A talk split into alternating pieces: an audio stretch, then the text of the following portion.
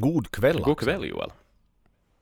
Hur har du, hur har du det du idag? bra? Jag sitter, äh, sitter bekvämt. Äh, det svider lite i min hand. Jag var skata. Jag var det skata här före och så föll jag. Och så äh, skala asfalten av lite av min handflata. Men äh, det blir nog Nå, bra.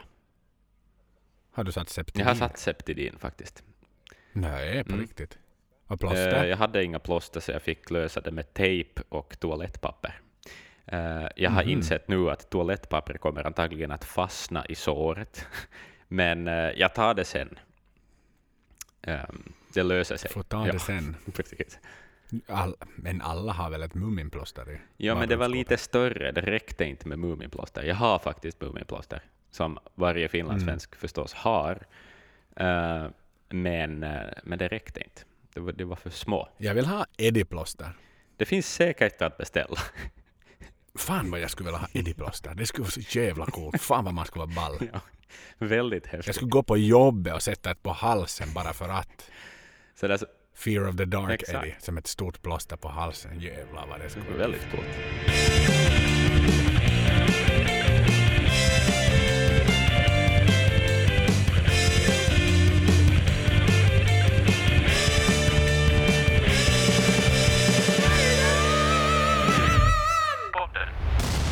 Vi har avhandlat The Book of Souls i två avsnitt Mm. eh, tidigare. Det var liksom musikens, musikens sväng och det var det albumet vi hade valt Mm. då. Har du någonting som hänger, hänger kvar i dina tankar efter att vi nu har lanserat båda avsnitten? Eh, jag har lyssnat på avsnittet igen faktiskt. Jag var nyfiken och gå, liksom, att, att kan jag, stod jag för allt jag sa? Gick med det örat lyssnade jag igenom det. Um, konstatera jo, det gjorde jag nog. CD1 är ju nog bättre än CD2, även om CD2 inte är dålig. Men, eh, men ja, men alltså kanske just det där hur hur, eh, hur lätt det är att vilja tro att Empire of the Clouds ska vara bra, eller liksom bättre än vad den kanske egentligen är sen i slutändan. Um, Ja, men jo, det, det håller jag helt med om. Den är ju en massiv låt. Den är, som den är inte 18 minuter, det har vi kunnat konstatera. Den är 17.55. Men, men, men det är ju igen det här, samma problematik eller samma dilemma som vi hade med Alexander the Great. Man har en uppfattning om att den är en episk, den är jättebra. Exakt samma gör vi på Empire of the Clouds. Men nu då, någonting som, som var lite inne i kommentarerna på Instagram, det här med att när vi nu går in i den här podden och när vi lyssnar på musik, nu kan jag bara prata för mig själv men jag antar att det stämmer till viss del också för Mm. dig, så man grottar så in sig, man, man lyssnar på ett nytt sätt. Ja. Man lyssnar inte bara som en fan som får embracea musiken och låtarna, utan man, man får sätta på en annan hatt, Mm. en, en mer analytisk hatt. lite kritiker jämförande liksom hatt. också. Det är ju det. Och det gör att, att jag, jag har börjat se många låtar i lite andra Mm. Ja, definitivt. i vissa mycket finare ljus, men, men andra låtar som jag har sett i ett finare ljus i ett lite sämre ljus. Mm. Ja, för mycket av musiken är ju sånt som man, man har skapat sig en uppfattning om den för länge sedan. Och på något vis Mm. alltid tänkt att det är den uppfattning man har. Men sen eh, kanske det inte stämmer den där uppfattningen heller. Liksom. Nu när vi sitter då isolerat och i våra skrubbar och liksom pratar om det och har lyssnat och gjort vår, vår, vår läxa inför Mm. så så ser man saker på ett annat sätt. Ja, Och det är inte alltid roligt ska det fan med tilläggas. Det, det, det, men det kan vara ganska är inte nedslående alltid- faktiskt. Jag håller helt med. det är ganska nedslående och det är tungt. Men vilket samtidigt gör att det här är så jävla givande. Ja, definitivt. Alltså, sådär, jag tänker mig... Jag har tittat, tittat på Mindhunter-serien om seriemördare här under veckan som har gått, Mm. eh, för att det kommer en andra säsong. Och jag tänker lite sådär, tänk liksom timelinen man kommer att kunna eh, lägga upp om det här bandet sen någon gång i framtiden då vi typ har avhandlat allt. Alltså som Mm. kontextualisera saker och fatta sammanhang och, och grejer. Det är ju nåja, till synes väldigt onödig kunskap att ha, men, men jag kommer ändå vara väldigt glad att ha den. Sådär. Nej men Mm. det är ju så. Det är ju så. Det det blir ju lite docentnivå så småningom. Och det var ju syftet, det sa vi ju i prologen, att vi är, vill göra det här för att lära oss mer om Maiden. Men hör du min, min, min Mm. bror, vad, vad, vad tycker du vi ska prata om idag? Idag tycker jag att vi ska uh, vi tar, kanske lite lättsammare sådär. Um, mm. Videon tycker jag vi ska tala om. Musikvideon. Jo, det är spännande för vi har ju lite gjort med för vana att vi, vi tar ett, ett album mm.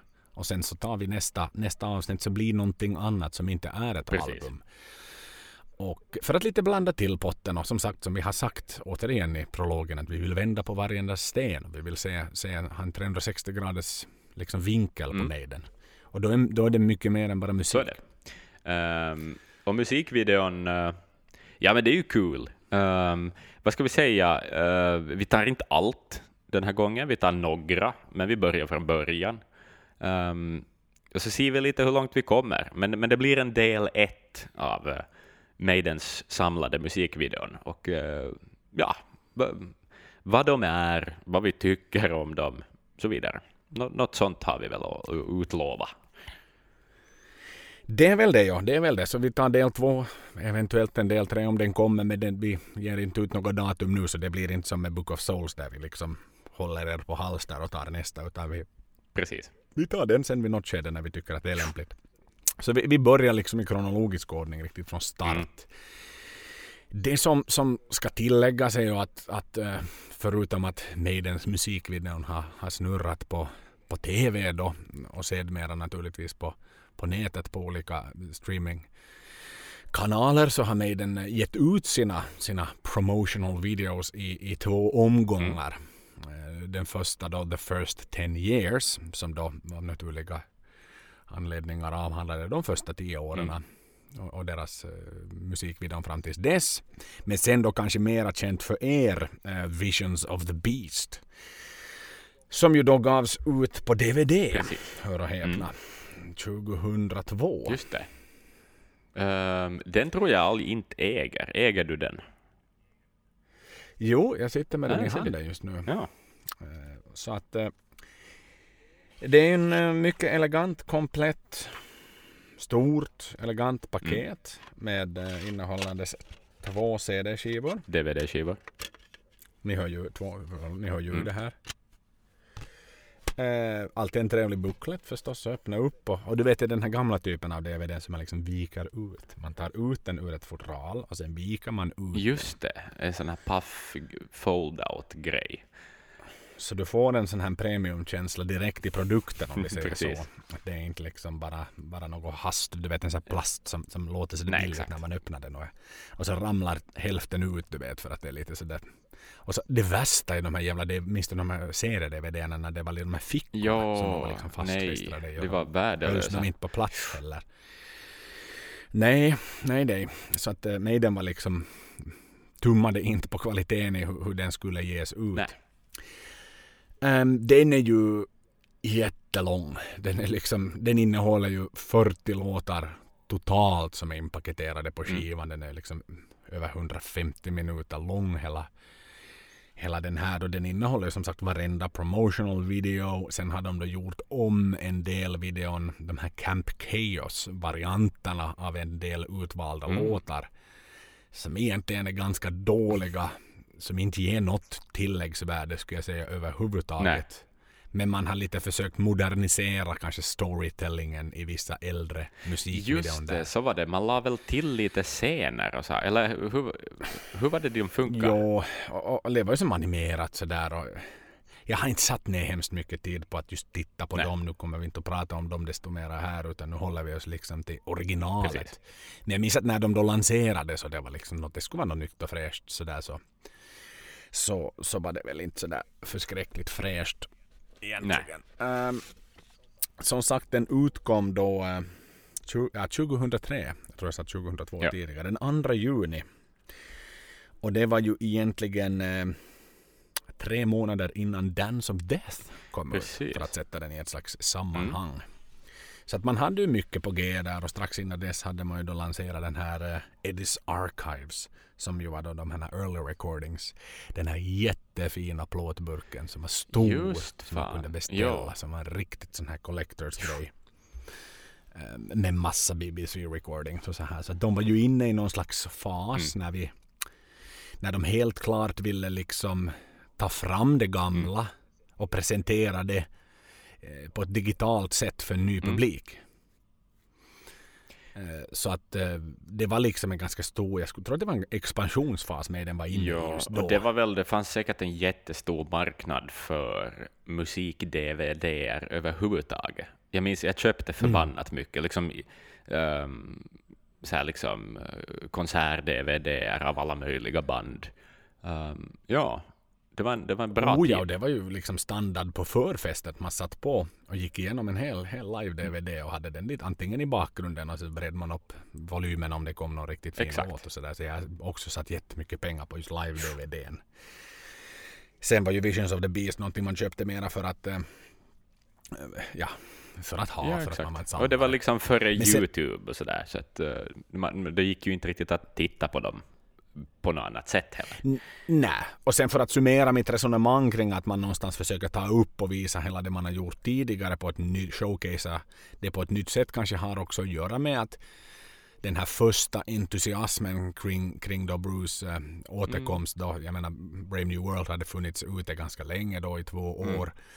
Så då var det liksom okej, okay, nu, nu, nu är det liksom, nu är vi på solid ground. Mm nu är det liksom framåt men, men vi vill fortfarande liksom, vi har ett, ett enormt eh, ett kapital, vi har vårt arv är så stort så nu ska vi liksom egentligen göra det och det här är ju då förstås pre-Youtube time. Ja. Så det här var ju det enda sättet egentligen att visa musikvideon. För mig, eh, MTV visar väl inte musikvideon på 2000-talet längre heller. Nej, nej, och det, nej exakt. Inte, inte nu i samma utsträckning åtminstone. Kanske fortfarande Ja, no, det är nog frågan om det. Men då kanske de slutar väl där runt 2000 så där mera aktivt. Sen blev det mera mm. reality-tv och Viva la Bam och Jackass och allt vad det nu hette. Mm. Ja. Finns MTV än idag? Jag har faktiskt ingen aning. Ja, men de har ju sina awards nog. Uh, men jag vet inte hur med, jag vet, har ingen aning om hur TV-kanalen ser ut faktiskt, om den finns kvar. Nej, jag har inte den, för den, den fanns ju för alla jo, tidigare. Men, men nu är det betalkanal, liksom, om man kanske. Om, ja. ja. den är nog inte, jag skulle aldrig beställa den sådär och betala en peng för den. Nej. Nej. Lite så här, vi brukar köra stats och, och, och, även om det här inte är ett albumavsnitt så, så kan jag inte hålla mm. mig från att plocka fram lite, lite siffror om den. Försäljningsmässigt och Visions of the Beast, både i Sverige och Finland så pikar den på en första plats mm. faktiskt. Mm. Och Spanien ska det tilläggas som, som det sista och tredje landet i världen där den var på en första mm. plats. Mm. I Finland då så betyder det då att den, den belönades med en dubbelplatina med strax över 21 000 kopior sålda. Okay. Mm. Så att det, det sådär cementerar ju de argumenten som vi har haft tidigare. Att Finland är metal. Musikvideon och Maiden är ju No, I min värld är det väl inte första jag tänker på när jag tänker på Iron Maiden. Nej. Eh, och, och, nu en ärlig fråga till er lyssnare. När satte ni på Visions of the Beast senast? Eller när var ni senast inne på en YouTube official musikvideo av Iron mm. Maiden? Mm. Fundera på den ni. Mm. Ja, det finns ju artister som är liksom kända för sina videon. Uh, mm. Och så finns det artister som inte är det. Och Maiden hör väl till den senare kategorin kan man konstatera. Uh, mm. Jo, jo. Nej, men Maiden gör musik vid dem för att det hör till och för att de ja, måste. Precis. Ja. Men det känns ju inte som att de sätter ner väldigt mycket tid och mycket kreativitet och tanke bakom att ta fram en musikvideo. Nej. Jag menar de videorna som vi nu ska titta på de är ju skrämmande lika. Ja, alltså verkligen. Det är galet. Um, ja. de, de, de, de, tog fram ett koncept och så applicerade de dem liksom på bara. allt. På allt. ja, det är otroligt. Så att om man nu jämför till exempel, men ta Rammstein mm. som ett, ett eminent musikvideoband. Precis, precis. Och det har de, de har alltid specialiserat sig mm. på det ända sedan början. Det har alltid varit en kortfilm, en storytelling mm. i deras videon. Eh, det, det, har ju faktiskt lyft många av deras låtar, ja. deras liksom genialiska musik. Ja, definitivt. Ja. Ett annat band där är ju förstås uh, The Prodigy som också har haft oerhört intressanta musikvideor. Ja, precis. Och sen avslutningsvis ett, ett, ett tredje mycket, mycket duktigt musikvideoband är Foo Fighters. Det, det också. Jag menar, de kan ju skådespela också. Och sådär. Ja, men det är ju det som är mm. grejen. Det är ju det som är grejen. För att, att ha det här klassiska som det heter i Finland, soittovideo. Mm. Det vill säga ett band som står i antingen en fabrikslokal, mm. på en scen mm. eller vid en ruin som våra promotional bilder och liksom rockar med håret. Ja. Alltså om det är någonting som jag tycker är så, någon, någon, det finns få saker som är så pass meningslösa ja. som Nej, det. Men, eller hur? Um, Nåja, för att gå tillbaka till, till då, Visions mm. of the Beast. Jag vill lite drömma mig tillbaka till, till eh, den gamla goda tiden. Du vet introduktionen också på den här DVDn när man, man har det här jättelång 3D-animering som inte går att hoppa över på en DVD. Men allt man vill när man sätter i den för sjunde gången att komma till menyn så man får göra det man egentligen skulle Precis, göra. välja sin video som man vill se på. Välja sin video som man hade tänkt titta på. Men, men också här är det ju med den är jättelång, den, den, den, ett ljusfenomen som flyger ur en, en Londonbuss krockar in i dörrar och krockar in överallt innan han då till slut, men, men det tar allt för länge, liksom knackar på hos Eddie som sitter i en fåtölj i en sunkig lägenhet i East End och tittar på TV. Han tittar på Maiden live faktiskt. Exakt. Eh, och så, så slår Eddie sönder fönstret och så flyger han in i Eddies hjärna och då liksom öppnas Eddies hand och då liksom, i, i de här fingrarna är då liksom själva menyn där du kan Ja, det var en fin tid. Aha, jag saknar DVD-menyer överlag. Alltså, jag har inte upplevt en DVD-meny på jättelänge. Vi kör i vind och vi börjar med, med den absolut första promotional låten som Maiden gjorde och satt, satt kamerorna framför när de bandade in det. Och eh, det är ju ingen mindre än Women in Uniform. Yes. Um, ja, det är en... Då, vi har väl etablerat begreppet soito-video ganska bra även för våra rikssvenska lyssnare. Eh, men ja, bandet står på en scen och spelar. Eh, och så är det varvat med eh, lite scener av kvinnor i uniform och Eddie eh, i olika sammanhang. Eh, ganska sådär snabbt sammanfattat. Ehm, eh, jag, jag, måste säga att jag slås ändå av, med första jag skrev ner bara som en sån här reflektion, att den är liksom förvånansvärt påkostad. Mm. ändå. Alltså i sin enkelhet. Um, de har ändå riggat upp någon sorts scen och fixat liksom, nu är det ju några kameror ändå och och liksom allt det här. Med tanke på hur, ja, nytt band det var. Ja, exakt. Precis. Mm. Dennis Stratton skymtas ja. ju i den videon. Det var ju de facto den sista låten han gjorde med Maiden. Just det, precis. Innan han då ersattes av Adrian. Ja, han är med med sin uh, karatejacka, eller vad vi ska kalla det. Jag kan inte annat än att bara vara så amazed över hans hår. Mm, det är fint. Han, alltså, han är ju Janik Gears någonstans med hans ja, hår. Definitivt. Det är så underbart vackert, hans hår. Det, det. Sen var han ju inte så... Ja, sen hade så omtyckt i mig för han lyssnade jättemycket på popmusik. Mm. Och han liksom gav aldrig in för hårdrocken och det, det var väl någonting som störde många. Ja, liksom. ja. Eller som störde bandmedlemmarna. Mm. Att hej, vet du vad, du är i ett hårdrocksband. Nu förväntas det ju att du ska lyssna och gilla hårdrock också. Men han var lite sådär han var med där men han var the odd one out. Så det var ju också den, den uppenbara anledningen till att sen det inte, det inte riktigt lyckades nej, med, med Dennis. Han var inte tillräckligt true. Eh, han var ju inte. Nej, precis. Sen, sen ska det ju tilläggas att det här är ju inte Maidens låt. Nej, nej, det är väl en cover. Men vem är det en cover av? Ett australiensiskt band som hette Skyhooks. Okej. Okay. Aldrig hört talas om dem.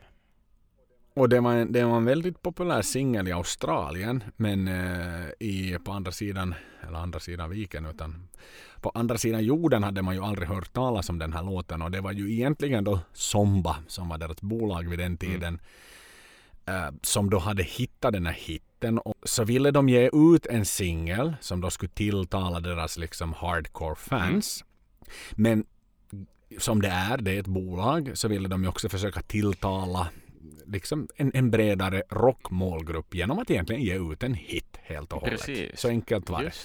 Så det var ju de som tryckte på att nu ska Maiden göra göra Women in Uniform och det var ju klart de som då finansierade också musikvideon till den. Ja, ja, ja. Man tog in Tony Platt då som egentligen gjort sig ett stort namn genom att producera ACDC mm. eh, som producent för låten. Um, det blev en del problem egentligen för att eh, de rearrangeade låten då Maiden först mm. såklart så att den skulle liksom passa Maiden för den var ju oerhört mycket poppigare. Vi kan, vi kan klippa in en liten snutt här nu av, av originalet. Yes.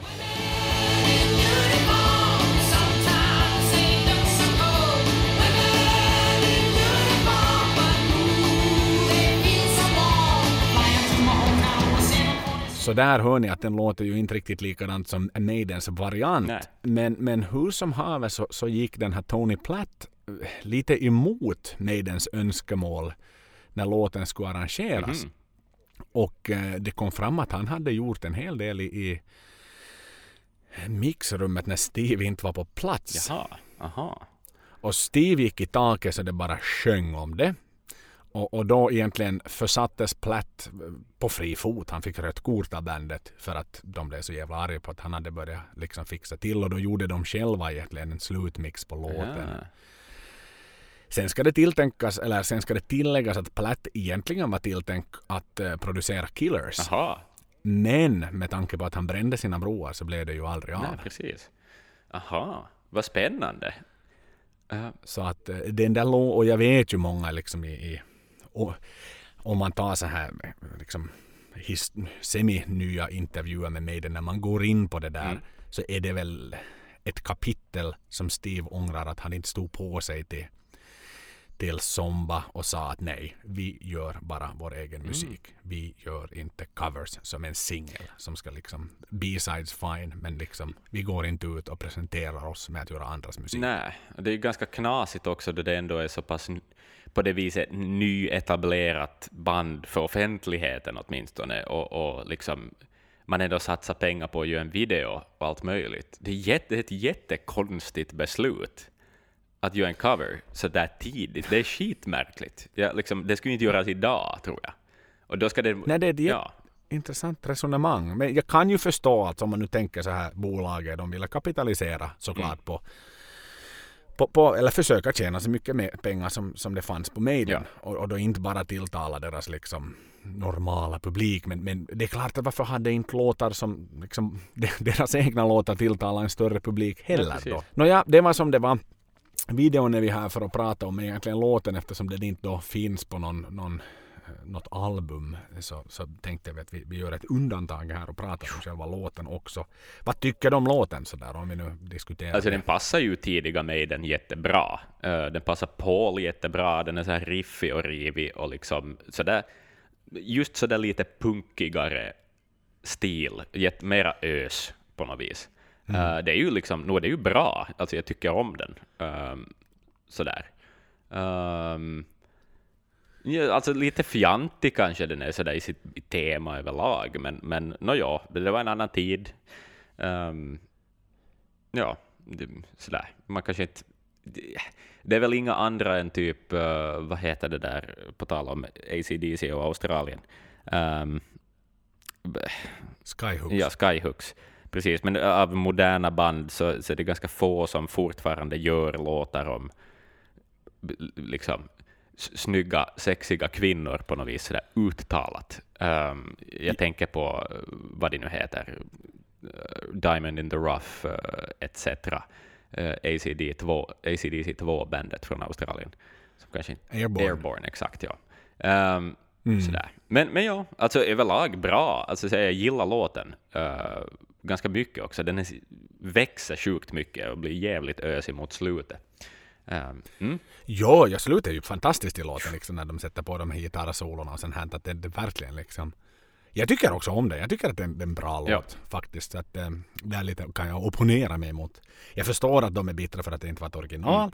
Men så här nu i efterhand så är det, det är en catchy låt och den, den presenteras på ett väldigt bra och professionellt och rockigt sätt mm. av Maiden. Ja, definitivt. Och Maiden får ändå den... in mycket av sitt brand dit. Det är lite gitarrstämmor, det är liksom uh, mycket av det som är Maiden ändå där på det sättet. Mm. Mm. Tittar vi till själva videon då, Dog Smith är regissör för den här videon och han har äh, egentligen inte gjort någonting riktigt nämnvärt Nej. sen dess och efter det heller. Just det. Uh, han var involverad i någon DVD-dokumentär om Def Leppards historia. Okay. Och sen en musikvideo om, av Willie and the Poor Boys, One Night Only. Okay. Det var allt jag hittade på honom. Just det, precis. Så inga, han gick inte vidare och gjorde blockbusters. Um, nej, nej, han blev inte och han liksom fick inte ta över stafettpinnen och, och göra Kiss-videon. Nej, nej. Utan det var det, det, var hans liksom, hans stjärna i boken. Precis. Hans moment to shine. Exakt, exakt. Um, uh, mm. Um, ja, ja, eh, alltså, den är ju väldigt tidigt 80-tal på alla sätt och vis, den här videon. Um, man ser att bandet är väldigt sådär ungt och oerfaret. Jag tycker mig se en... Alltså vi talar om det här att, att uh, det finns band som är liksom vana med att skådespela och så vidare. Säg Foo Fighters då, eller någonting i den stilen. Men jag tycker alla ser lite lätt obekväma ut i den här videon också. Speciellt Paul. Jag tycker Paul ser väldigt liksom, han, det finns någonting, han är inte riktigt självsäker alltså. Uh, på något sätt. Mm. Nej, nej, det han inte. Och han var väl en av de absolut största motståndarna till också att göra det här. Så det kan ju till och med vara att han var lite liksom streta emot lite och nästan visa det som någon slags protest. Ja, exakt. Precis. Mm. Att jag, by the way, jag vill inte stå här, men jag är här för att jag måste. Ja, precis. Och så där Steve har en sån där... Han jobbar sig igenom. Han ser sådär fokuserad ut på det han annars också skulle göra om de skulle spela den här låten på riktigt. Sådär. Koncentrera sig på sitt basspel och att sjunga lite backing vocals. Uh, mm. och sådär. Det, det, är inte hemskt, Dave spexar inte till det hemskt mycket extra. Liksom. Dave och Clive däremot, de lever mm. sig in i den här låten. De tycker det är kul ja, att spela i musik. Verkligen. De ler och ser glada ut. Mm. Hade de haft Twitter på den tiden hade de twittrat mycket att nu ska vi gå in i studion och banda in vår första musikvideo. Yes, det hade de gjort. De är stolta och nöjda. Det är de. Men som sagt, den Soito-video som vi pratade, den är inspelad på The Rainbow. Mm. Så här storyn, storymässigt var du redan inne på det. det är två sjuksköterskor som drar av täcket på en patient mm. som visar sig vara Eddie. Exakt. Och sen klipp tillbaka till bandet som spelar jätte, jätte, jätte länge. Bla, bla, bla, bla, bla. Lite klipp här och var. Sen är det då två soldater som närmar sig en man på gatan som också visar sig vara Eddie. Oh, surprise, surprise. Plot twist. Och så har vi en grand finale i själva videon då. Det är att Eddie som då egentligen ser ut, eller han är omslaget på, på första albumet mm. i form av en stor backdrop. Han har hål i ögonen och sprutar rök genom dem. Exakt. Liksom så mycket rök stora. så att hela Clive och hela trumsetet blir liksom täckt. Man ser ingenting. Försvinner. Ja, han försvinner in i dimman. Mm. Mm. Så att eh, sådär. Det, det är basic stuff. Mm. Det är den låten. Ganska tragiskt Axel egentligen att, att det här är den enda låten med Paul som fick en rätt fram musikvideo. Mm. Ja om du ändå tänker på alla låtskatter de har från de två första skivorna ja. och som ändå skulle vara väldigt passande som musikvideolåtar. Ja. Ta Prowler, Running Free, Sanctuary till exempel. Liksom. Alla är ju singelmaterial liksom. Det är Allt... ju singelmaterial och musikvideomaterial som det sjunger bara. Så det enda Paul fick sjunga in är en fucking australiensisk cover. ja, nej det är taskigt. Det är jättetaskigt. Uh, det är jättekonstigt ja, faktiskt. Han har nog inte haft planeterna har inte riktigt varit i linje för den mannen. Eh, mm. Nej, nej, det får man väl nog säga. att man inte valde sen på, på, ja, i framtiden att göra fler. Men jätte, bara ett intressant sånt här resonemang, ja. för de har ju ändå gjort, i regel gör de två, till och med till tre musikvideon per album. Precis, ja. Men det var nu så nytt ännu så att man får väl ha det i åtanke att liksom det hade inte etablerat sig alla rutiner och, och hur man jobbar. Nej, nej, exakt. Ja. Strukturen fanns inte riktigt där på hur Iron Maiden jobbar när de lanserar en skiva etc. Nej, exakt. Ja. Mm. Men uh, vi går, jag vet inte. Ska vi gå vidare? Vi går vidare. Det finns inte så mycket mer att säga om den. den, är, den nej, no, det finns nej. det ju faktiskt inte. Utan nu har vi nog hållit på att dra ut. Vi, vi har levt jättelänge på den här lilla kronan som vi har i handen, eller den här euron. Precis. Vi, vi, har fått handla mycket varor för den redan. Det har vi, det har vi. Så nu är det dags att vi släpper ner den i, i kassatantens hand. Så är det. Byta butik. Uh. Nästa officiella video är, är Run to the Hills. Mm. Men det ska ändå tilläggas att de gjorde en, en live-video som fungerar i någon slags promotional purpose mm. av uh, Wrathchild. Yes. Som då var en inspelning från uh, The Rainbow också. Mm. Men då ska det, det är inte alltså, där är ljudet och allt är live. Precis. Men den användes då i, i PR-syfte. Um, ja, det var ju året då MTV lanserades för den delen, 1981. Mm uh, och uh, jag kom över en uh, artikel som Loudwire hade här i somras, uh, att det faktiskt var en av de, de tidigaste hårdrocksvideorna som uh, visades på, på MTV överhuvudtaget. Det var den 30 något trettionde musikvideon som visades alltså i, i ordningen på, på MTV. Oh. Um, så det är ju ganska häftigt ändå, tycker jag. Det är ju väldigt coolt. Lite kanske faktiskt Paul fick sin retribution mm. där då. Mm. Även om inte var rätt fram musikvideo, promotional video, men att han fick vara en av de första som visades på MTV. Definitivt, och ganska coolt att det är en live-grej också i och för sig. Jag menar, jag kan tycka att det kanske är häftigare um, att det har visats på MTV som en video. Jag, inte kan jag tänka mig att det var riktigt konventionellt ändå. Nej, men om man tänker återigen det som vi pratade om, att det var nu fick de ju verkligen visa sig själva mm. för dem de är. Exakt. Maiden fick visa en live-video av sig själv på MTV, så det var väl egentligen det bästa visitkortet de någonsin hade kunnat få ut. Exakt. Det är ju det de är. De är ett band som spelar live. Alltså, de är, ja, att, och mm. naturligtvis sin egen låt. Ja, för den så, att, så att vi ska väl vara tacksamma för att det var den varianten och inte Women in Uniform som gick till MTV. Mm, precis. Men men, det var mera i förbifarten utan då nästa officiella promotional video som var Run to the Hills. Mm. Uh, Den är ju det som jag... det, för... ja, ja. Nej, men det första jag har skrivit att är uh, ganska som Women in Uniform, men med lite mer klipp. Har jag skrivit. Ja, och ska vi säga den stora skillnaden mellan Women in Uniform och Run to the Hills att i Women in Uniform så det som då icke är scenrelaterat är ju faktiskt eget producerat. Yes. Medan i Run to the Hills så är det som icke är live på en scen så är ju bara taget från en film. Exakt, precis. Så då känns det ju som att man har ändå haft lite mer, man har ansträngt sig faktiskt lite mer. Alltså någonstans den kreativa ådran har fått jobba lite hårdare, den har fått producera lite hårdare i Women in Uniform, för man har inte bara liksom lånat något material. Nej, någon har skrivit ner en manusrad någonstans till den videon. Ja, ja. exakt. Ja. Men det är icke att förringa. Nej. Um. Faktiskt. Det som jag ändå bara tänkte bara snabbt för att jag tänkte att vi ska ta de här eh, på det sättet hur många visningar de har på Youtube så att vi har en, en slags idé om, om statistiken. Mm. Så att om vi nu tar Women in Uniform, den ligger på 1 92 000 visningar mm. ungefär. Hoppar vi då till Run to the Hills som vi pratar om nu så ligger i dagsdatum på nästan 27 miljoner visningar. Ja, en viss skillnad. Så att, eh, det är klart, och man är ju inte överraskad. Nej. Nej. Att det är den som, som lockar tittare på Youtube. Nej. Um, den är regisserad av David Mallet. Och han däremot har ett jävla gediget CV som han har hunnit göra. Okay. Uh, när jag var inne och kollade på honom. Han har gjort Under Pressure. Ah.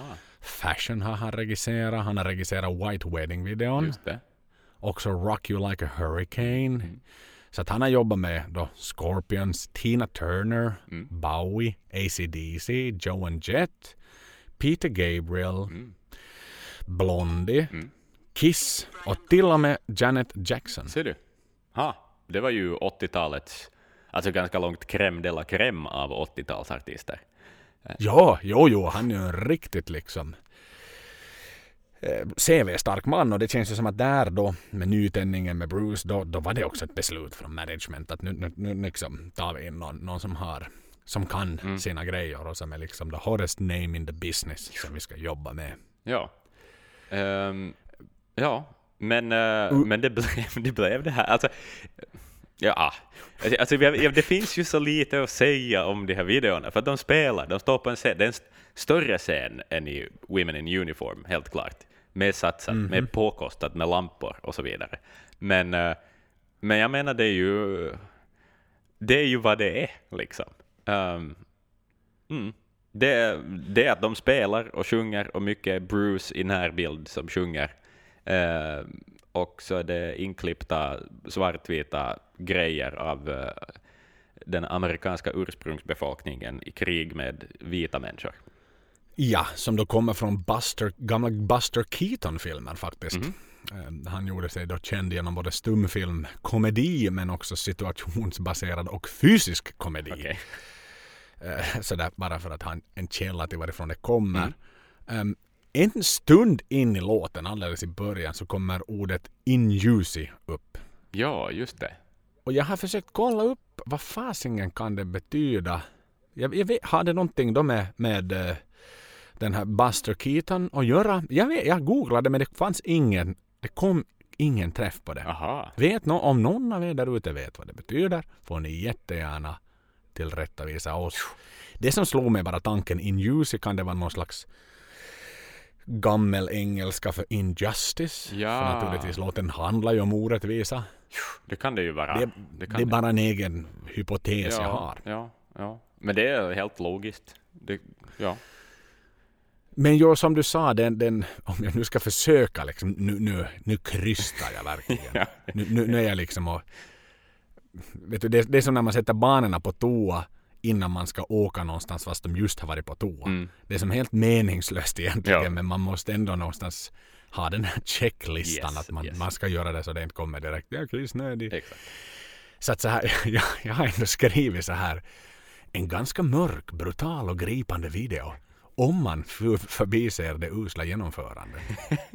Nej men exakt. Alltså det är ju det också, vad låten handlar om, allt sånt där. Eh, det, är ju, det är ju liksom...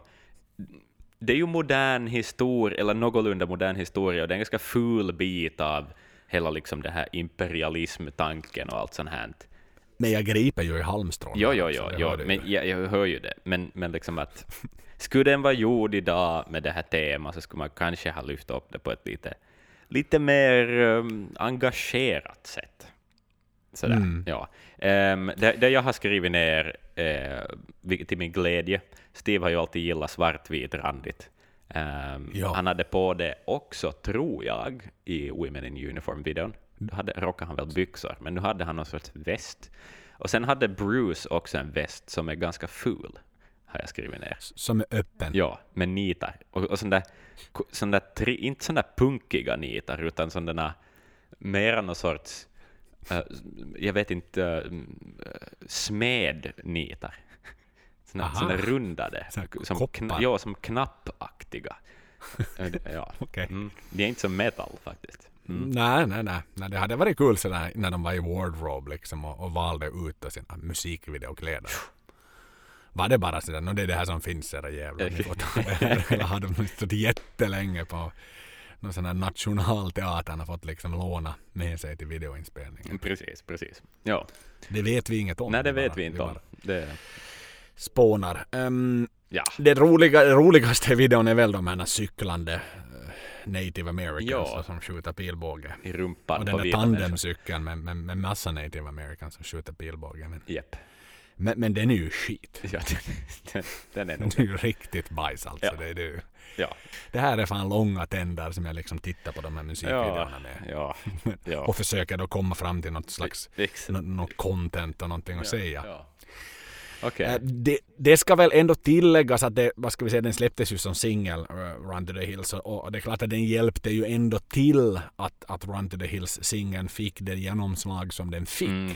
För den spelades ju både på MTV och Top of the Pops, ju, Yes. som då är ju det här BBCs ungdomsprogram. Så att på det sättet är det klart, då får den ju ett annat, annat gehör. Ja, de, ga- de, de släppte låten till ett nytt medium, helt enkelt. Ja, Det är ju det det det handlar är väl, om. det är väl, Ja. det är väl så vi får se det. Och Ja. såklart de profilerar sig på scenen så som vi redan var inne på om hur man ska, hur man ska liksom konsumera med den. Exakt, precis. Ja.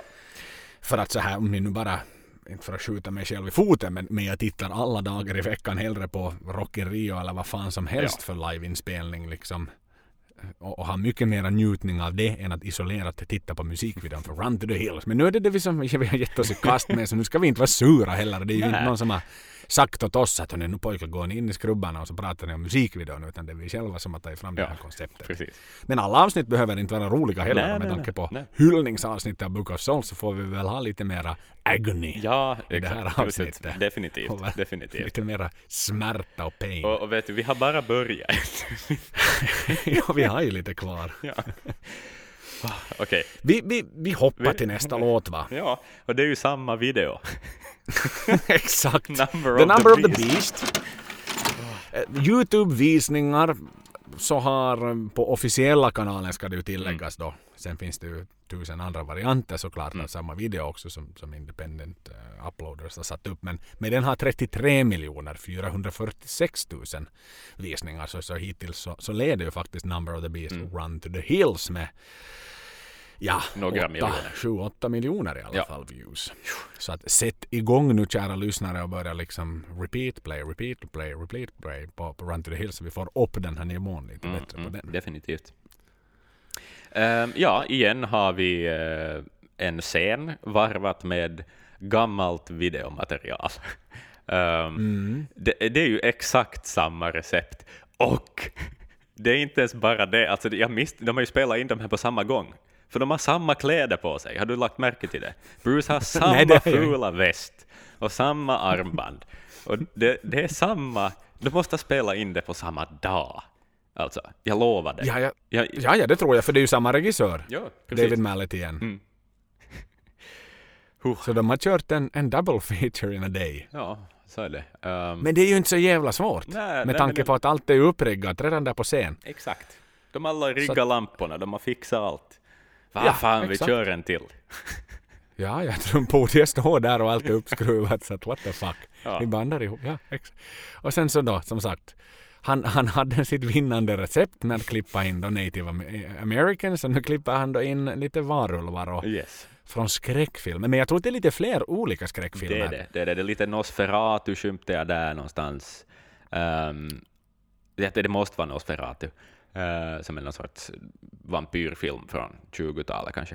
Uh, Och sen är det någon varulv ja, som jag inte vet varifrån den här stammar. Godzilla är väl till och med med. Godzilla ryms ner där också. Ja, den där gamla hederliga Godzilla. Ja. Jag förstår inte vad Godzilla har med Number of the Beast att göra. Men där är Godzilla. Nej, men det var väl så att ta in allt som är liksom mystiskt och som inte är mänskligt, som är skrämmande. det måste ju ha varit något Ja, sånt. det är så konstigt.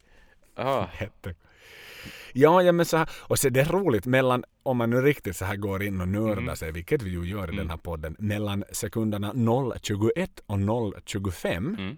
så fryser bilden på varulven då han är på väg in, där, in genom den där dörren, men låten fortsätter. Mm. ja. För att klippningen blev tydligen inte riktigt så bra där och då fanns det inte tillräckligt med content på varulven som var inne i rummet. Så då måste man liksom frysa den där bilden i, i fyra hela sekunder innan det då klippte till Bruce som sjunger.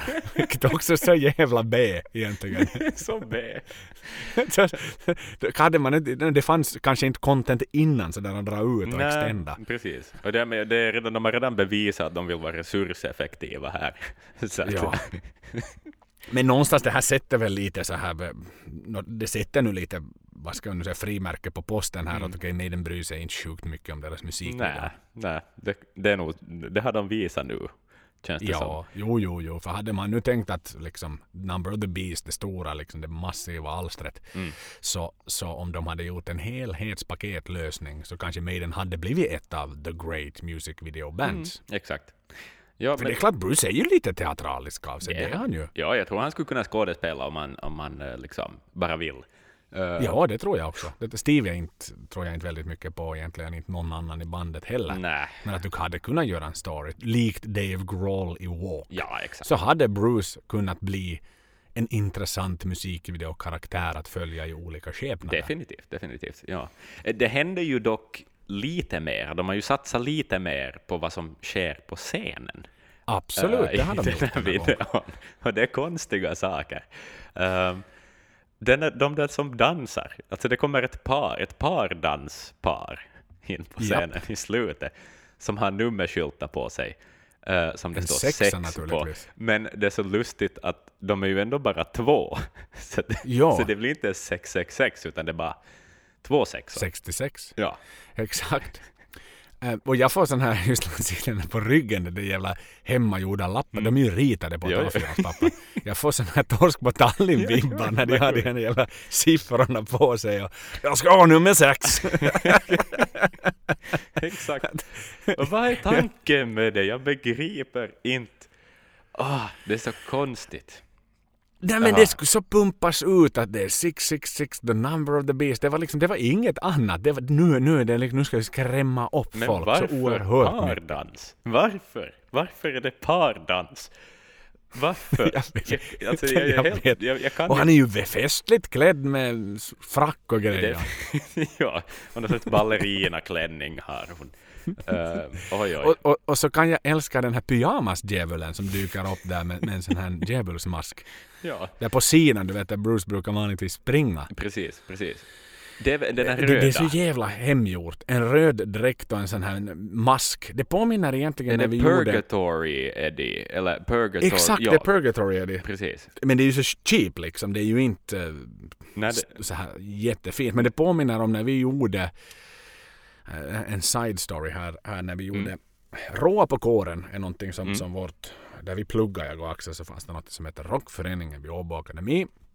Och eh, då hade vi en gala där vi gjorde en årlig gala där man gjorde egentligen en, en, en coverkväll. Man var ett band som man imiterade helt och hållet mm. och så gick alla pengar sen till välgörenhet och det var, det var skitkul. Det var mycket, mycket, alltid fullt hus och det var bra fest. Då gjorde vi en gång gjorde vi Maiden mm. och då naturligtvis skulle vi ha Eddie med oss. Mm. Men det var långt innan liksom man, man hade råd. Man pluggade så man hade inte råd att köpa en Eddie-mask. Så vi gick till någon sån här jävla maskeradaffär och köpte nu någon dylik monstermask. Exakt. Och så tog, tog, snodde vi toalettpapper från det här stället där vi var liksom och virade in honom som en slags mumie och, och hade någon sån här jävla lie. Men det var ju så cheap. Ja. Men det var ändå stor succé. Folk jublade och tyckte det var jättekul ja, när Eddie exakt. kom in i bilden. Men, men det känns, jag får sådana vibbar ja. till det här att det är, som, det är ju inte alls påkostat. Nej, nej, nej. Nej, inte alls. Oh. Och, sen, och sen eh, kommer den annan, sen kommer ju Eddie också. Punk, Sen kommer ju stora Eddie in ja, på riktigt precis. på slutet verkligen. Så han är ju den här videons grand finale verkligen. precis, då de bara dansar förbi scenen någon gång. Det här paret. Ja. så kommer Eddie. Men vet du vad? Eddie då, när den här visades på MTV så blev stora Eddie blev faktiskt bortklippt för att han skrämde tittarna så pass mycket. Så de, de, de, kunde inte ha med, de hade det med från början, sen måste de klippa bort det. Tänk vilken tid det var. Alltså så konservativt. Ja. Wow. Att en stor docka då, Eddie liksom, Six Foot Eddie, skrämmer tittarna på TV så mycket så att kanalen väljer att editera bort den delen. Oj, oj, oj. Satan vad folk var trångsynta. Och då har de ändå för fan gått igenom världskrig där folk har slaktats. Ja, ja, ja, och en liten jävla gubbe med mask i TV-rutan i en musikvideo. Mm. Ja, det är ju helt absurt egentligen. Vad var det för några jävla idioter? Ja. Sen kan man ju i och för sig tänka att de, de har ju valt, alltså det är ju en ganska kontroversiell låt i sin tid som singel också, att den är ganska sådär uttalat liksom eh, okult, eller liksom handlar om okulta saker. Det kanske mm. inte var helt kosher. Det var ju ändå en tid säkert då, jag vet inte om Margaret Thatcher satt på makten någonstans i England redan. Det gjorde hon ju. Det gjorde hon ju. Och, och så där. Det var ju konservativa vindar och så där. Så att, så att kanske i det sammanhanget så kanske Eddie blev lite för farlig ännu på något vis. Ja. Det finns någon risk för det. Mm. Det finns någon risk för det faktiskt. Ja. Säger. Men i alla fall, det är bara kul idag liksom. Och så sätter det en jämförelse så här med tanke på att då vi sitter och skrattar och gäspar. Och ja, ja, precis. Uttråkande, men så har du då liksom den stora skrämmande mm. som håller på där. Um, men vi, är, vi har väl avhandlat ja, videon för Number of the Beast utan att då tassa in nämnvärt på låten The Number of the Beast. Det, det, det sparar Återigen vi. Det vårt, vårt gummiband, vi tänjer väldigt mycket på det. Det, det finns snart inte så mycket flexibilitet kvar. The challenge of the beast. Ja, vi är tillbaka med ett Challenge of the Beast som var lite frånvarande under uh, Book of Souls-avsnitten för att det helt enkelt fanns för mycket att prata om uh, i musikväg. Men uh, vi är tillbaka nu. Och vi är ju inne i musikvideornas värld och, och, och vi har konstaterat hittills att det inte alltid finns väldigt, väldigt mycket att se efter i de här musikvideorna, men jag tänkte ta fasta på en sak som eh, hör till hårdrocken och den hör till Maidens musikvideon väldigt långt. Och det är faktiskt kläder. Um, det här är kanske li lite sådär eh, i, i periferin av relaterbara saker, men jag tyckte att det var ett kul tema. Vi har ju tre material, Joel, i hårdrock på kläder. Vi har läder, förstås. Mm. Vi har denim, det vill säga jeans, och sen har vi ju förstås spandex. Ja. Eh, så jag har tre frågor åt dig gällande dessa material. All right. Mm. Och vi börjar med spandex. Mhm. Kan du gissa dig till hur namnet spandex har kommit till? Det finns... det- jag ska- Alltså expanderbart. Eller? Exakt. Jag tänker något sånt. Du har helt rätt. Det är ett anagram av expands. Aha, För att det är ett flexibelt material. härligt. Mm. Bra Joel, bra Joel. Okej, vi tar nästa material. Då kör vi in på läder. Eh, läder kommer ju i väldigt många olika kvaliteter. Och de här kvaliteterna är graderat enligt hur mycket av djurets hudfiber som finns kvar i materialet, så att säga. Right. Var på skalan placerar vi graderingen genuine leather? Om fem är fint läder och ett är sämre, billigare läder. Det känns ju som, som marknadsförare som jag ändå är i grund och botten så känns det som att det är ett försäljningsargument för att sälja mer. Vilket då betyder att den stora mängden ändå köper de billiga produkterna. Så jag skulle nästan säga ett. För att då får du en slags kvalitetsstämpel att det är genuine leather. Så jag säger ett för att du ska sälja så mycket som möjligt. Du har helt rätt. Du har helt rätt. Eh, Det är uppfunnet av marknadsförare. Eh, Det är ganska skitläder, genuine leather. Det är, då man gör läder så har man då en tjock djurhud som är Mm. Kanske strax under en centimeter tjock. Det Och ska det tilläggas bästa- att Axel här i Skype-videon sitter och illustrerar med fingrarna så ni ser ju ingenting av det. Nej. Men han visar upp hur, Ja, exakt. hur Ungefär en, en, en, en centimeter, säg drygt, eller ja, lite mindre. Och det yttersta lagret så är det som blir fint läder, för det behöver man inte göra någonting åt. Eller, där är liksom fibrerna ordentligt, det är tätt och bra. Liksom. Men uh, ju längre ner, man, man liksom separerar det i olika lager, och ju längre ner, det vill säga ju närmare köttet man kommer, så att säga, på djuret, så desto sämre blir lädret. Och då måste man lägga till saker och kanske sådär. Ja. Så nu har vi lärt oss lite om läder, och genuine leather är ingenting som en ordentlig läderåterförsäljare rekommenderar en att köpa. Aha, men jag har alltid tolkat liksom, för, ja men det är ju genuine leather. Det är Exakt, att det är riktig läder. Ja, Ja, exakt. för jag tyckte att det, ja, men, som marknadsförare själv faller jag alltid in i alla marknadsföring och reklamgropar också. Mm, mm. Så jag har liksom haft det som en mycket fin och mycket bra kvalitetsstämpel på grejer. Ja. Nej, men det är det inte. Uh, Okej, men, okay, men då kör vi uh, hårdrockens sista material, då, eh, som förstås är jeans. Um, kan du, Joel, eh, hitta på en anledning till varför just indigo, den mörkblåa indigofärgen, skulle vara, liksom, blev den sanna färgen på just jeanstyg? Hmm. Det är väl en amerikansk uppfinning, jeans. Om man nu, nåja det vet jag inte. Det är från hatten för att jag tänker Mm. på den här gamla Levi's-loggan med två hästar som drar två byxor isär. Mm. Plus att jag associerade lite med någon slags cowboy. Ehm, kan det ha någonting med jag vet inte, att missfärgning, att eh, fläckar inte syns så bra? Hördu, du har helt rätt i det. Eh, det skulle ju förstås, de marknadsfördes ju som eh, arbetsbyxor från början, och då valde man helt enkelt en mörk nyans så att inte fläckarna skulle synas lika tydligt. Titta. Mm-mm. De kallades också för liksom midjeoveraller från början, jeansbyxorna, för att det var liksom rejäla klä, donerkläder, men Ja, för så här upp till det är så midjan. gamla farmarbyxor, du vet med häng, hängseljeans Precis, precis. Ja. som man ju hade. En midjeoverall. Eh, det kan jag också säga att eh, ja, amerikanerna populariserar ju det här materialet och just byxorna och Levi's var det första eh, sanna brandet som gjorde just med de här metallknapparna och så vidare, som, som liksom håller fast fickor och sånt här. Eh, men eh, det tyget är uppfunnet i Frankrike och det hade någonting med en ort som heter Nim att, att göra. Namnet kommer alltså någonting de Nim. Mm, Eh, ah, Så, så det är en, det är en 1700-tals uppfinning i Frankrike. Men under Nim alltså, ja 1800-talet. med orten Nim. Precis, exakt. Ja. Spännande. Nu har vi lärt oss en massa om- textilier. Ja, Ja, hårdrockens var- textilier. Eh, vad har vi till näst? Vi har uh, Flight of Icarus. Uh, yes, så vi byter skiva här till mm. Peace of Mind. Uh, den har 6 753 000 views på Youtube. Okay, ganska... Så det är ju inte hemskt mycket. Nej. Men vi vet ju alla att det är en låt som inte har funnits med på väldigt många Best of. Det är en låt som inte har spelats för Legacy of the Beast-touren mm. nu. Den har varit på is jättelänge.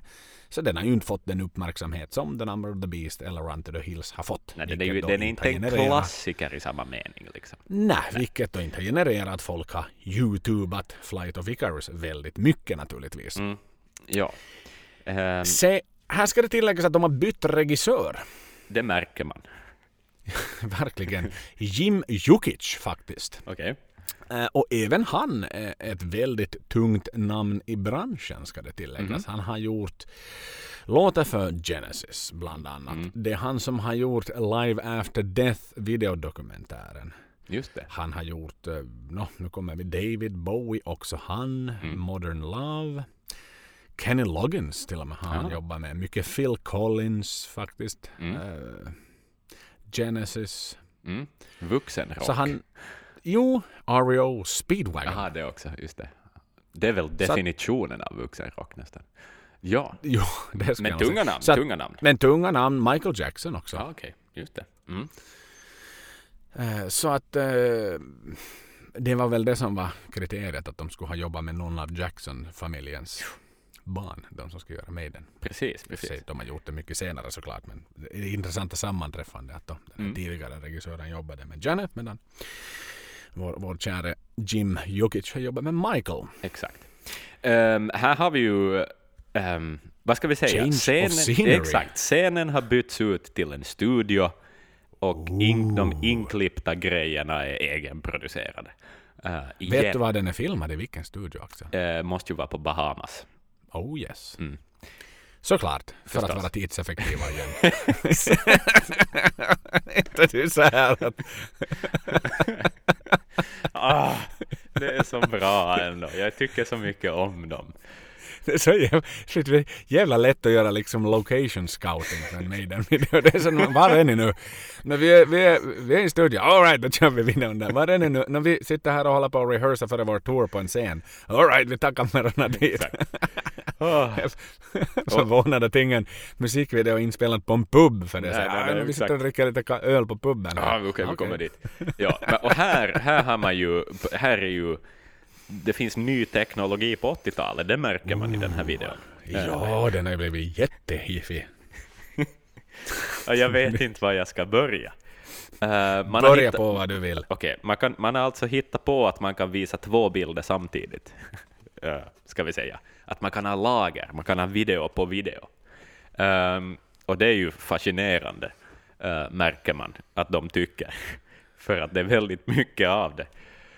Um, Mm. Uh, jag tror att är det Nico som spelar Icarus? Mi misstänker jag. Det, Jajamän, det, måste vara det har du helt rätt i. Mm. Um, står i en huva på stranden i Bahamas. Förstås. Och så är det väldigt... Det är också mycket så här props. De har typ hittat ett jävla överkast på hotellet som är svart. Kasta på honom. Exakt. Och, och det är, det är fokuserat, mycket, mycket av videon uh, sätter ett fokus på ögonen på, på Icarus då. Uh, på, med olika du minns vi var ju inne på den här Jonas Åkerlund, hur han hade sin assistent som han skulle anställa. Mm. Det, det, det, skulle mycket lättare vara assistent till Jim Jukic. Det är inte så mycket så här du behöver åka och fixa grejer, utan det är sådär What you see is what you get. oh shit. Alltså, den här videon är ju Alltså, um, det finns en video faktiskt, du talar väl om att Genesis och vad det nu var, äh, hade samma han hade regisserat dem också. För jag vet att det finns... Speedbuggen. Ja, det finns något så... För, nej men det är Yes, tror jag, Owner of a Lonely Heart-videon. Mm -hmm. uh, har... Man, den, man märker att de har lite hittat till samma teknologi, och det är lite samma grej. De är också vid någon strand. Och det... Um, de, de, de, jag fattar estetiken här. Liksom. man, vill vara, man vill vara modig med den nya teknologin och testa den fullt ut. Um, och just de här ögonen. Um, då det är liksom den här kåpan då, eller vad vi nu, svarta överkastet som är över Ikarus huvud. Och just när man har editerat in några andra ögon. Um, mm. Det är, alltså det, den har ju inte åldrats väl den här videon, det är väl dit jag vill komma. Um, ja, att, men det, nu, alltså om man riktigt som sagt nu börjar borra ner sig i den här. Det, ja. Tittar man på Bruce när han står i studion och sjunger. Mm. Han har en slott på, vad kan det nu vara, fem sekunder när de filmar Bruce. Och, och då, då sitter, man ser när han sitter och tjuvtittar på lyricslappen där bredvid. Ja. Så inte ens då, okej, okay, nu filmar vi det i fem sekunder, lär dig det utan till och sjung bara in i mikrofonen, utan då står han liksom och tjuvtittar och sjunger åt sidan. Det är som sådär, verkligen liksom ingen research sådär, memorera de här två raderna, Nej. för då filmar vi dig. Mm. Så det ser ut som att du kan låten och sjunga den utan till. Nej, nu skiter vi Jag ska titta på lappen vad det står. Jag ska sjunga. Det är så underbart. Och sen har ju, Eddie har en egen kanal på mixerbordet som de vrider jo, upp till de, max. Jepp, det gör de. Vilket också så det var... Och det kommer ju inget ljud. Nej. Nej, exakt. De vrider, till... exakt. De vrider upp en knapp men det händer ingenting. Den... Nej, då hade jag liksom tänkt det ska komma någon vrål men ingenting händer. Det också sådär. vad, vad är poängen med det? Vad vill de ha sagt med det? Ja, exakt. Och sen är det så mycket konstig färgkorrigering. Alltså det är som att de har hittat något, de vrider det till negativ och, och sätter liksom saturation på max och typ på lila ibland. Och det är liksom så maxat och sen flyger Daves gitarrsolo in på någon sorts Um, en sån fyrkant? Ja, en fyrkant som liksom flyger in i bilden så att det är liksom helt skewed Um, ja, ja, den är som sned. Ja, så att den ska liksom sväva in. Den, och just när, när den här liksom helikopter, typ drönar-varianten ja. när de flyger genom naturen. Det ser ut som Predators vision i filmen. Du vet, så hur han ser. Det är så hans Predator. Det är så Predator. Ja. Ja. den är så jäkla underbar. Alltså, och, och, den här döden på klippan då, mm. det vill säga Niko som vi har pratat om. Han står ju liksom och kastar fram en hjärna framför linsen så det på något konstigt sätt ja. erbjuder tittaren en hjärna. Ja. Och det klippet används inte bara en gång utan två gånger. ja. Man tyckte det var så genialiskt när han lyfte fram en hjärna till kameralinsen så man vill använda om det en gång till. Ja, exakt. Och det, det, är inte det enda de använder om. Alltså i slutet då, då låten växer i dynami, dynamik och det liksom hela den delen. Så där liksom, man återvänder mycket, återanvänder massa saker. Um, ja, ja, ja. Det är liksom, ja, där kommer, jag tror Eddies kanal kommer igen. Um, och liksom massa saker bara, men det swishar förbi lite högre tempo. Mm. För att på något vis matcha låtens intensitet. Och, och där vid 3.30 så står liksom Bruce, han står och guppar upp och ner. Ja. Som han ska kissnödig. Och han ser jättegenerad ut. Alltså det är liksom, nästan som att han tänker, vad, vad är det här för jävla skit vi lastar ut åt våra lyssnare liksom. Han ser jättepinsam ut. Ja, och jag har också, jag har, vi ska vara löjligt specifika här, vid 3.13 så mm -hmm. har de mhm. liksom gått så all in med det här video på video-tänket. Så det är tre lager video på en gång. Det, är, det tror jag de har, ja. Ja, det är havet som är i det här Icarus face, och sen är det mm. Murray som spelar gitarr. Och, och, det, liksom, det blir så distorterat, det där ansiktet, så att man inte längre fattar vad det är. Det är bara som en abstrakt form. som, det, och någon vågskvalp som är där, där ansiktet borde vara. Ja. och sen kan jag inte komma från att Niko ser så satans omotiverad ut i den här videon. När man filmar honom han ser jätte, jätte uttråkad ja. ut. Oj, oj. Och, och, och då började jag fundera ännu, jag liksom vände på det där att hur kommer det sig? Han är ny i bandet, det är första gången han syns promotionally och mm. han ser så uttråkad ut. Ja, vad är det? En... Kanske han är missnöjd över att det inte blev Where Eagles Dare som blev videon. Så han fick stila? Ja, ja. exakt. Men är det inte en ganska tråkig trumlåt, Flight of Icarus, egentligen? Ja, alltså det är nu där mot slutet får man spela lite, men det är ganska lite filler och sådär egentligen. Ja, den är ju och midtempo och sådär. Ja. Så det är väl, det, det är ju inte, det är ju, nej men ponera dig själv, det är inte en jätterolig låt att trumma till. Nej, den är ganska, man kan sitta lite tillbaka lutad på pallen liksom.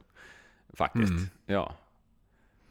Och vänta på slutet. Liksom. Ja, men, men det som vi ändå får lyfta upp som något positivt med den här är ju mm. att, att det här igen, nu har de gått tillbaka så att säga till, till Women in Uniform-eran mm. när man gör eget producerat material. Exakt. Så Exakt. man har kommit ifrån lite grann det här med att bara klippa in från skitfilmer och liksom Stopp på sen, skitfilm, stopp på sen, skitfilm, stopp på sen, skitfilm. Exakt. Så det är ju lite kul. Mm. Och så slutar ju hela videon med att kameralinsen krossas. Jo, det är ganska häftigt. Vad är det? Va, vad tror du det är för subtilt budskap man vill skicka iväg med den sista bilden? Med den sista framen, Axel? Eh, jag vet inte. Är det det att Icarus flög iväg och det dånade så hårt så att kameran gick sönder? Jag vet inte. Jag vet inte. Jag vet inte. Eller sån här broken dreams. Nej, men alltså, det är någonting med den här videon som känns som att det är en preset i iMovie fast 1984, vet du. På något vis. Mm. Att, att, att det... Mm, ja. Det känns som att man ville använda alla effekter som bara fanns yes, tillgängliga. Ja. För att den, den, ja, men den är så förskräckligt horribel. Alltså, alltså. Den, är ju, den är ju det. Men det, jag går ändå från att först vara sådär aj shit, jag hade glömt bort hur ful den här videon var. Men i slutet så är jag sådär så älskar jag den för att den är så tacky och sån, det är sån tidsstämpel. Alltså det är just där, en, teknikentusiasmen på 80-talet. Mm. Jag har faktiskt själv gjort en musikvideo som är ganska kraftigt influerad av den här.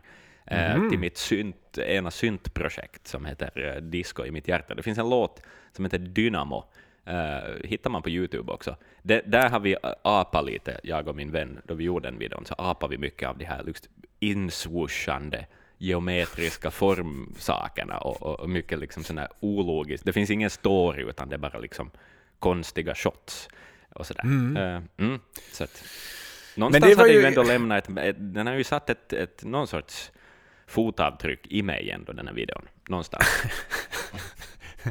så må det vara, så må det vara. Nej, men den är ju... Alltså ja, tittar man med rätt hatt och rätt glasögon på så är den ju underbar. Hör du, ska vi, eh, ska vi, vi avhandla den här färdigt, ska vi hoppa in till, till det sista, sista mästerverket som, som Maiden har gjort framför ja. våra TV-rutor. Det ska vi. Vad uh, har vi då min vän? Uh, The Trooper har vi förstås. Um, mm, uh, ja, vi är tillbaka. Uh, vi är tillbaka till det beprövade konceptet här då. ja, ja det. Vi är tillbaka i Run to the Hills. De fick skäll för Flight of Icarus. Ja, ah, fan! Ni svävar för mycket. Exakt. Vad var det här liksom? Oj, oj. Um, så att uh, de står på scen igen. Den är större, den är mer påkostad den här gången. Den har uh, svartvit rutigt golv sån här... Det, har, det är jättefint det där schackgolvet. Ja, och sen eh, lamporna är För att hitta igen något positivt. Yes. Så det är som fint golv. jag vet inte om jag har sagt det till någon jävla musikvideo innan. Aldrig. Ja, det är det enda man hittar. Oh shit. Um, vad kan vi annat säga? Uh, kläderna är lite mer uppdaterade, jag också lagt märke till. Lite mer färgglatt spandex. Mm. Mm. Mm. Lite sådär basic. Den, den öppnas ju och avslutas med dikten The Charge of the Light Brigade som ju mm. också låten grundar sig på som ju är medvetna om att äh, allt handlar om och det handlade ju om som ju var inne på Krimkriget. Yes. Och Battle of Balaklava som du lyfte fram i en av dina quizar när du hade om krigsföring. Precis. Um, så att då har vi den fakta. Tittar vi på, på view, viewers på Youtube så är den inne på 27 miljoner lite drygt. Mm. Eh, så att fortfarande inte number one av dessa som vi har, även om nu jag nästan hade trott att den skulle vara högre än Run to the Hills. Mm, faktiskt. Se där, fel hade jag. Um, klipperna denna gång då, mm. så kommer från filmen med samma namn, The Charge of the Light Brigade med Errol Flynn och Olivia de Havilland. Mm -hmm. eh, namnen säger inte mig jättemycket men det är så en gammal svartvit skit. Eh, precis, exakt. Men, eh, alltså, men det finns ju ingenting att säga om den här videon. Alltså, äh, den suger ju så satans ja, stor. Ja, exakt. Det som är nytt är spandexen. ja. Och golvet uppenbarligen. Nico är gladare här. Ja, det är han. Han spexar och ler i alla fall, så han mm. tycker det är kul att göra den här musikvideon. Mm. Men nu suger ju det där svartvita materialet så jävla mycket. Ja. De där jävla hästarna. Hela tiden en häst som ramlar och får någon jävla kanonkula på benen. Ja. Det är hela tiden. Ja. Förstås den här liksom uh, Union Jack-flaggan syns en del och den, ja. hela, hela videon avslutas med den då som mm. Bruce sedermera har anammat i sin live-utstyrelse yes. under låten. Men fan vad den är skit alltså. Det är ju, det är ju så förskräcklig dynga det här alltså. Ja, ja. Mina ögon har riktigt blött när jag har ja, tittat på det här. Ja, Nej men det ger ju ingenting. Nej det gör ju inte det. Det lyfter ju inte upp och det är ju inte så aha det har jag aldrig funderat på när jag har lyssnat på den här låten. Nej. Men sen, alltså, vi sitter ju här och klagar och, och sådär. Men jag menar, nu måste ju finnas andra band som gjorde värdelösa videon på 80-talet också. Sådär att, att det var ju en annan Säkert estetik. majoriteten. Jo, jo, jo, det var ju en annan estetik. Men det här med storyn uh, hade väl inte riktigt satt sig att man kan göra det med en musikvideo. En kort att man kan göra en liten kortfilm med ett soundtrack. Den idén fanns väl kanske inte riktigt på 80-talet. Det finns mycket konstiga musikvideor från 80-talet. Um, ehm, mm. Alltså, ja, no, kanske då liksom Thriller var väl på något vis en pionjärvideo, men någon sån här Bonnie Tyler, Total Eclipse of the Heart, skitskum video, även om den är, har tusen gånger högre budget än något vad Maiden har gjort men jag fattar ännu mindre av den. Liksom. Där är det mm. massa konstig symbolik bara. Och sen Bonnie Tyler som sjunger ibland i ett gammalt hus. Men liksom att, att det, i den kontexten så är kanske inte det här så mycket sämre än något annat. Vet du. Men, men nu är det ju ändå oengagerat. Men nu ser vi på den här med moderna ögon. Det gör det tycker vi. jag fan vi. Vi tar oss ja, Men nu försöker jag, jag försöker bara ge det lite rättvisa. Vet du. Jag försöker hitta någonting här nu. Sådär. Ja, ja, jo. Se, jag tror mycket var ju så här, men nu så spontant föreställer mig en 80-talsvideo så tänker jag mig en man i, i, i, vit smoking som ligger på en vit flygel och that's ja. liksom ungefär it. Det virvlar lite runt i olika klipp men ingenting händer. Nej, nej. Så det är klart hela den här storytellingen tog ju en annan nivå mm. senare. Om vi nu bara jämför med då, de tre exemplen som vi hade, Pro Prodigy, Foo Fighters och Rammstein, så de kom ju långt mycket senare med sina ja. kom ju till långt mycket senare givetvis. Att, eh, och då var storytellingen på en helt annan nivå. Och då hade man väl kanske en ambition att okej, okay, nu har vi det här media också. Det vill ja. säga vi ska synas framför kameran i en promotional video, inte mm. bara i en live video upptagning från en konsert. Nej. Nu ska vi anstränga oss och göra det bästa av det. Yes, exakt. Det är inte bara liksom ett hinder på vägen för att lansera skivan utan utan vi, vi vill verkligen maximalt utnyttja TV eller, eller uh, Youtube streaming eller vad som helst. Exakt. Ja, för att det, göra det. Det ska finnas en anledning att någon vill också se på den här videon. Exakt. Bara ja. Det tar en stund att lära sig ett nytt medium. Och liksom, det hade man inte riktigt gjort. Så är det ju. Och sen då återigen så här kommersiellt så får vi väl liksom reflektera kring att det är klart att det här gav en större bredd för Maiden och det här kanske sålde några fler skivor och några mm. fler singlar. Mm. För att någon kanske för första gången såg dem på TVn. Mm. Men det var ju fortfarande skit de såg. Ja, ja, ja, ja. Det, definitivt. Men kanske man inte såg det på det sättet då. no, okej, okay. titta tillbaks till Number of Beast där man klippte bort Eddie för han var så hemsk. Ja, så uppenbarligen påverkar det här ju på ett... Tänk att någon har luggit och våndats av, av Eddie på en scen. Så, så pass mycket så att man har då tagit ett executive decision på Music Television Mm. Hörni, vi, kan, vi vill gärna visa det men vi kan inte ha med den här sista scenen. Den är så förskräckligt horribel. Mm. Ja, så att, det.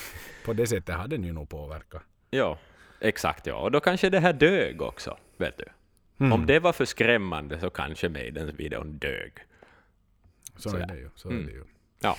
Men, men jag tror att vi kan vidhålla nu börjar vi inte gå in i analys på, på alla videon de har gjort fram till dags datum men, vi, vi kan ju dem och vi har ju sett dem och ja. vi kommer att diskutera dem mer i detalj vid något skede i framtiden men, men, men så här om det är någonting Maiden har gemensamt för alla sina videon ja. så är väl det att de håller en väldigt låg kvalitet. ja, det måste vi ju det säga. Är att säga. Vi men, måste säga det. Men ja. det är väl det som de tar med sig Ja. För det finns ju ingen video som står ut som är fantastisk. Nej, nej. Som alltså ingenting står ju med... Nej, in, nej, exakt. Ingenting står sig med den, de bra exempel vi har nämnt. Ett annat bra exempel som jag vill nämna, som är lite åt Prodigy-hållet, Chemical Brothers har alltid haft fantastiska Ja, faktiskt. Ja, det ja. är ju sjukt bra video. Ja, sådär. Så att, uh, nej, ingenting når ju upp till en, till en sån standard. Och, får jag nämna en till? Ja. Beastie Boys. Ja, Beastie. Herregud. Sabotage. Mm. Vilken video. Wow. Och Intergalactic. Och Intergalactic. Ja, nej, det är ju det är bra grejer. Ja. De har ja. anammat, anammat det mediumet, men det har inte Maiden gjort. Nej, det har inte, det har inte Maiden gjort. Och sen känner ju sig, som vi nu var inne på, Maiden känner sig tryggast på en scen. Det märker man ju kanske, no, om du nu jämför. Det är klart att Bruce och alla ser, ser lite mer trygga ut när de står på den här scenen än vad de gjorde när de stod mm. i studion. Ja, ja.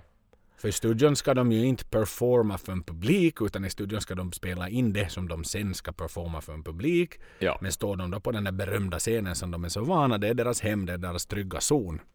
Så då är de ju, de bjuder de ju mera på sig själva, även om ja. de där är kameragubbar och allting som står det liksom i ansikte på dem och filmar närbilder på greppbrädor och gitarrsolon etc. Ja, exakt, ja. ja. Det, det, det får man ju ge dem på det sättet. Ja, så är det. Och det är ju deras brand ändå. De är ett scenband helt enkelt. Jo. Um, mm. Och det är väl därför vi lyssnar på dem. Vi hade väl inte haft en orka lyssna på de hade sugit som scenband och bara varit sjukt bra på musikvideon. Nej, inte skulle de vara lika stora då. Så är det. Men ja. det är klart man hade önskat någonstans innerst inne att Maidens musikvideon hade varit bra. Men förstås. Liksom. Det hade ju inte funnits något negativt med nej, det. Nej, nej, ingenting alls. Det är ingenting som är bort från dem. Men eh, jag tror inte att det här någonsin kommer att förändras. Liksom att, uh, ja, de är till åren komna. Eh, de är till åren laget. komna och de gör det för att de måste göra det. Och som ja. ju vi var inne på i förra avsnittet så nu syns de ju inte ens mera i musikvideorna för Nej. då är allting animerat och det är det som, som sköter den biten. Precis. Vilket jag tror är helt rätt spår nu också med tanke på Legacy of the Beast-spelet och så här att de ja. liksom digitaliseras och immortaliseras kanske yes. mera på det sättet då. Precis, precis. Ja. Det är mera superheroes snarare än bara gamla gubbar som står på en scen och försöker rocka, vilket de ju gör eminent bra, fantastiskt bra på riktigt. Exakt. Kanske inte med smink och, och musikvideon. Um, men att så här, vi, vi, det, här, det här avsnittet så kan vi väl sakta men säkert börja sätta punkt för. Ja, det tycker jag. Vi har väl en ganska unison ton när det kommer till eh, just vad vi anser om deras prestationer framför kameran och kanske ja. regissören också. Mm. Eh, men det kommer att komma fler. det finns ju fler videon. Det finns fler videon, men jag måste säga att det var jätte, jättekul att prata om det. Det var kul, ja. Man fick ju ja. lite släppa på sina hämningar här. Ja, exakt. Här och, ja. Och, och, som sagt, jag, jag, i det här fallet så är jag ganska komfortabel att vi inte kommer att tappa så där förskräckligt Nej, det här är inte helig mark liksom. det är ju inte det. Och jag tror, jag tror inte att våra lyssnare är särskilt förbannade heller. För jag tänkte uh. faktiskt avsluta med att ställa samma fråga som jag ställde när vi började mm. avsnittet. När såg du senast på en Maiden